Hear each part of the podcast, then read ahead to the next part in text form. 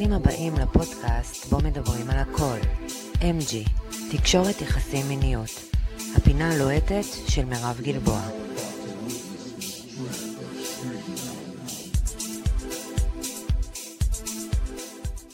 אהלן, מה קורה אנשים?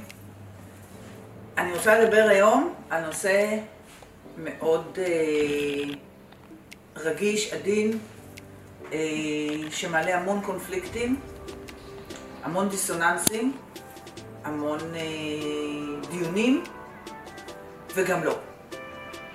לפעמים מעל השולחן, לפעמים מתחת לשולחן, ומה שאני רוצה לדבר היום זה פורנו. בואו נדבר על פורנו. יצא לי לקרוא כמה כתבות בפורנו, על פורנו, ומחקרים, ולשמוע פודקאסטים, ורעיונות עם אנשים, ואנשי מקצוע כאלה ואחרים, ודעות, והכל וזה.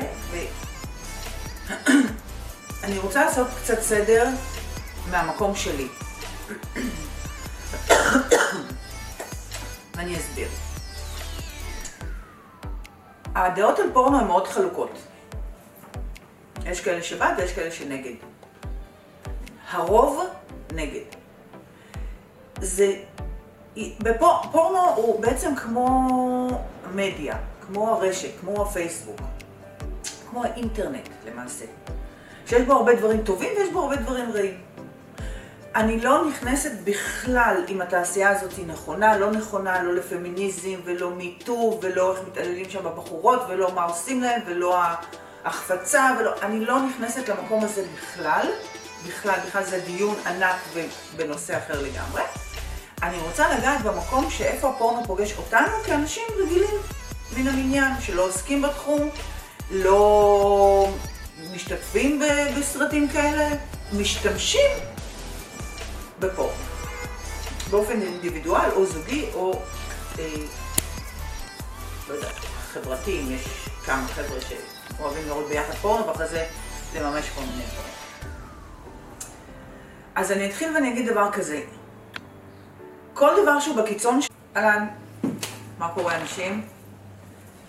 אני רוצה לדבר היום על נושא מאוד אה, רגיש, עדין, אה, שמעלה המון קונפליקטים, המון דיסוננסים, המון אה, דיונים, וגם לא.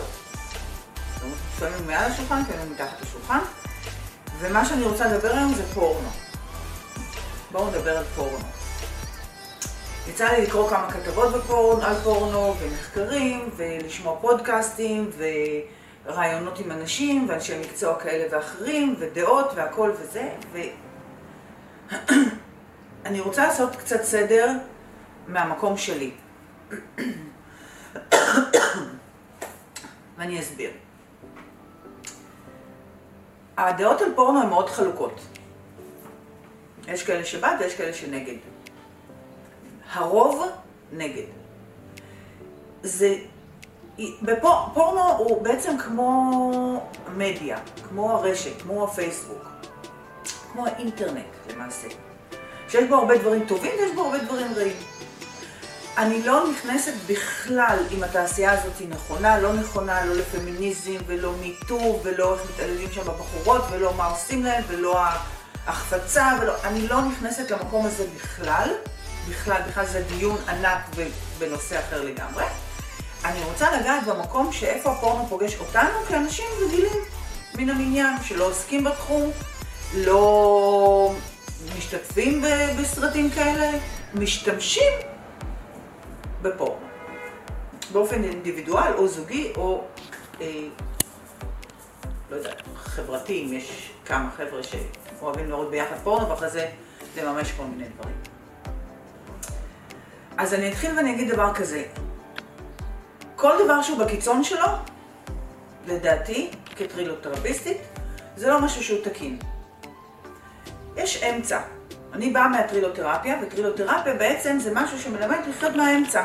לא קיצוני לפה ולא קיצוני לפה. לא שהראש רק ינהל אותנו, ולא שהרגש רק ינהל אותנו, לא רע ולא טוב, לא זה. לא בקיצון, באמצע. למצוא את הסנטר שלנו, ומה נכון לנו ומה לא נכון לנו, באיזון, בצורה מאוזנת. שגם אם אנחנו עושים משהו שהוא לא במיינסטרים, אנחנו לא נעשה אותו בקיצון, אנחנו נעשה אותו בצורה מאוזנת. בסדר? עכשיו, גם על זה אפשר לדבר יום שלם, מה זה מאוזן ואיך זה מאוזן. מאוזן זה כשאתה מאוזן עם עצמך. זאת אומרת, לבן אדם אחר זה יהיה קיצון, לבן אדם אחד זה יהיה מאוזן. אנחנו מדברים כאינדיבידואל ועל עצמנו בלבד. כשאני מדברת על פורנו, אני מדברת על פורנו כאינדיבידואל, מה עושה לנו כישות אחת.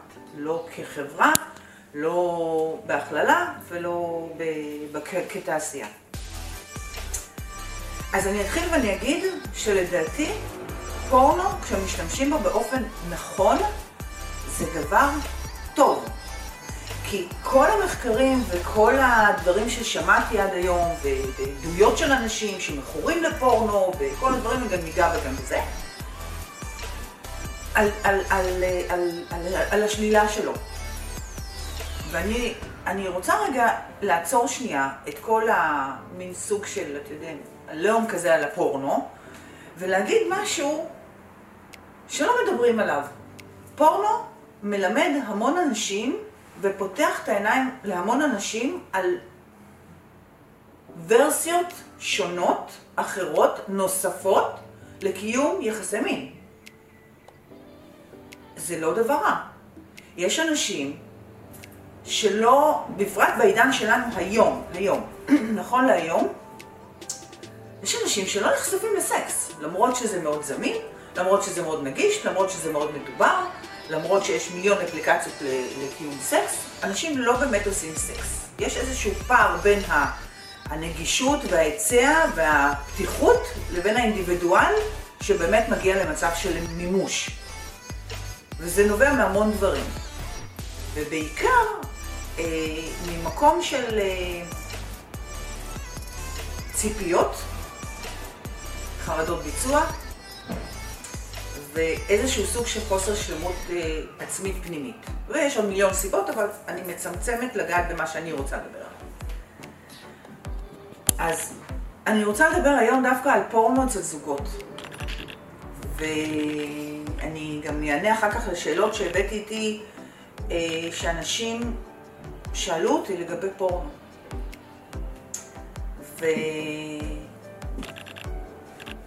ופורנו אה, אצל זוגות, כשאחד רואה והשני לא, נתפס כמשהו אה, מאוד חמור, כמשהו לא טוב, כמשהו שהוא סוג של בגידה.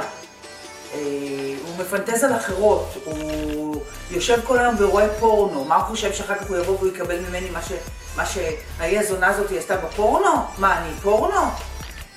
תגובות מאוד לא... איך אני אקרא להן? מאוד לא פרופורציונליות. כי יש מיליון ואחת סיבות למה אנשים רואים פורנו. ואני באמת יכולה לעשות על זה, רק על פורנו, עשרה פודקאסטים. נתחיל מזה של בואו לא נשפוט ולא נבקר אנשים שרואים פורנו. שוב פעם, לא בקיצון של אחד שמכור ולא הולך לעבודה וכל היום יושב ורואה פורנו. שוב פעם, לא בקיצון. בואו נדבר רגע על הנורמה. כולנו רואים פורנו. כולנו רואים פורנו, בין אם אנחנו מודים בזה, בין אם אנחנו עושים את זה עם הפרטנר שלנו, בין אם אנחנו עושים את זה עם uh, פרטנר מזדמן, בין אם אנחנו עושים את זה בשקט, בסוד, בטלפון, במחשב, בלילה, מתחת לשמיכות, כולנו רואים פורנו. אם אנחנו עושים עם זה משהו אחר כך או לא, זה כבר עניין אישי שלנו, אבל אנחנו רואים פורנו. כולם חשופים לפורנו, כולם מסתכלים על פורנו. וזה בסדר, זה בסדר, ושאלה מה לוקחים מזה, מה לוקחים מתוך הפורנו. עכשיו, למה אני רוצה לדבר על זוגות? כשמגיעים אליי זוגות לטיפול, ונכנס העניין של הפורנו, הוא רוצה לעשות לי משהו, מה שעושים שם לבחורה בפורנו.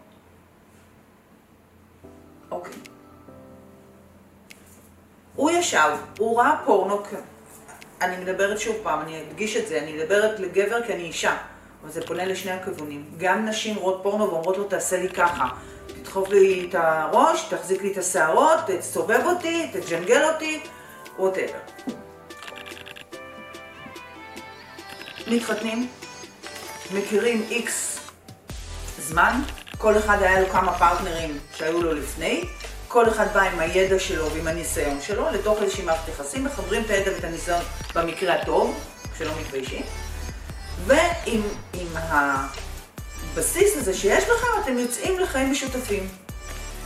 ואחרי כמה שנים, הבסיס הזה נשחק, כי כמה אפשר לעשות את, אותה, את אותו בסיס במשחק כזה ואיזה, אתם יודעים, פאי בריבוע, שתיים כפול, כמה אפשר. ובאיזשהו שלב אנחנו גם משתנים. אנחנו רוצים דברים אחרים.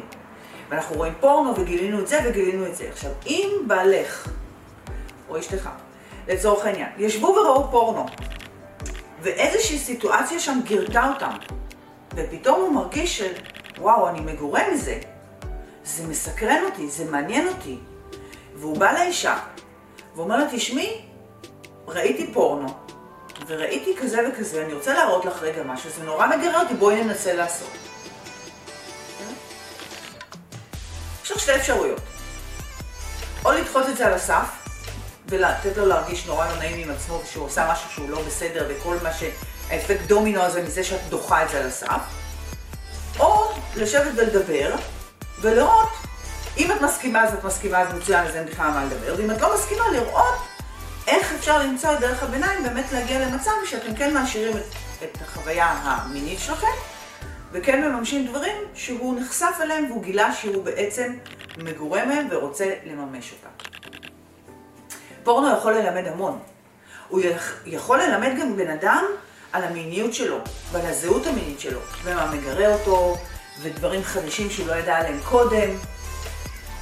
כשאני התחלתי לחקור את כל עולם המיניות לפני כמה שנים טובות, נחשפתי לעולם אה, של ה-BDSM. אמרו לי שיש עולם כזה, אני מבחינתי ידעתי סאדו מזו, זה הכל, לא ידעתי מעבר לזה שום דבר, לא ידעתי BDSM, לא ידעתי כל העולם הזה, ומסתבר שזה עולם עצום, ענק, עם מנעד של דברים בפנים, שאפשר בהחלט ללכת לאיבוד רק מהמידע והידע ש... שאפשר לצבור משם. ובמשך שנתיים ישבתי וחקרתי את העולם הזה. ואני לא, לא נכנסת עכשיו לחקירה של כמה זמן והכל וזה, של מה, מה למדתי שם והכל, אבל אני אגיד לכם דבר אחד, מה שכן למדתי. למדתי על עצמי. כי הייתי קוראת, והייתי שומעת, והייתי משוחחת עם אנשים, והייתי רואה פורנו של BDSM, על כל סוגיו, כדי באמת לראות את ה... מה קורה שם. ופתאום גיליתי שעם כל זה שאני בן אדם מאוד מיני ומאוד פתוח, שחוקרת את המיניות כבר מעל שמונה שנים, שמתעסקת בזה, שמטפלת בזה, פתאום גיליתי מקומות על עצמי שהיו מתעוררים לחיים תוך כדי הסתכלות בסרט וידאו של פורנו של BDSM, שדקה לפני כן, או שנתיים לפני כן, או שנה לפני כן, בכלל לא ידעתי מה זה. ורק הייתי שומעת צד דומה, אז איזה פסיכי מרביץ לאיזה פסיכית, או איזה פסיכית מרביצה לאיזה פסיכית. תפיסה ניאנדרטלית לחלוטין, מודה.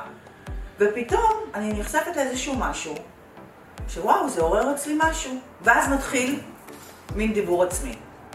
את בסדר? משהו צריך לא בסדר? הבושה? ה... לא יכול להיות? מה אני כזאת? מה יש בי ככה? איך יכול להיות שזה מגרה אותך?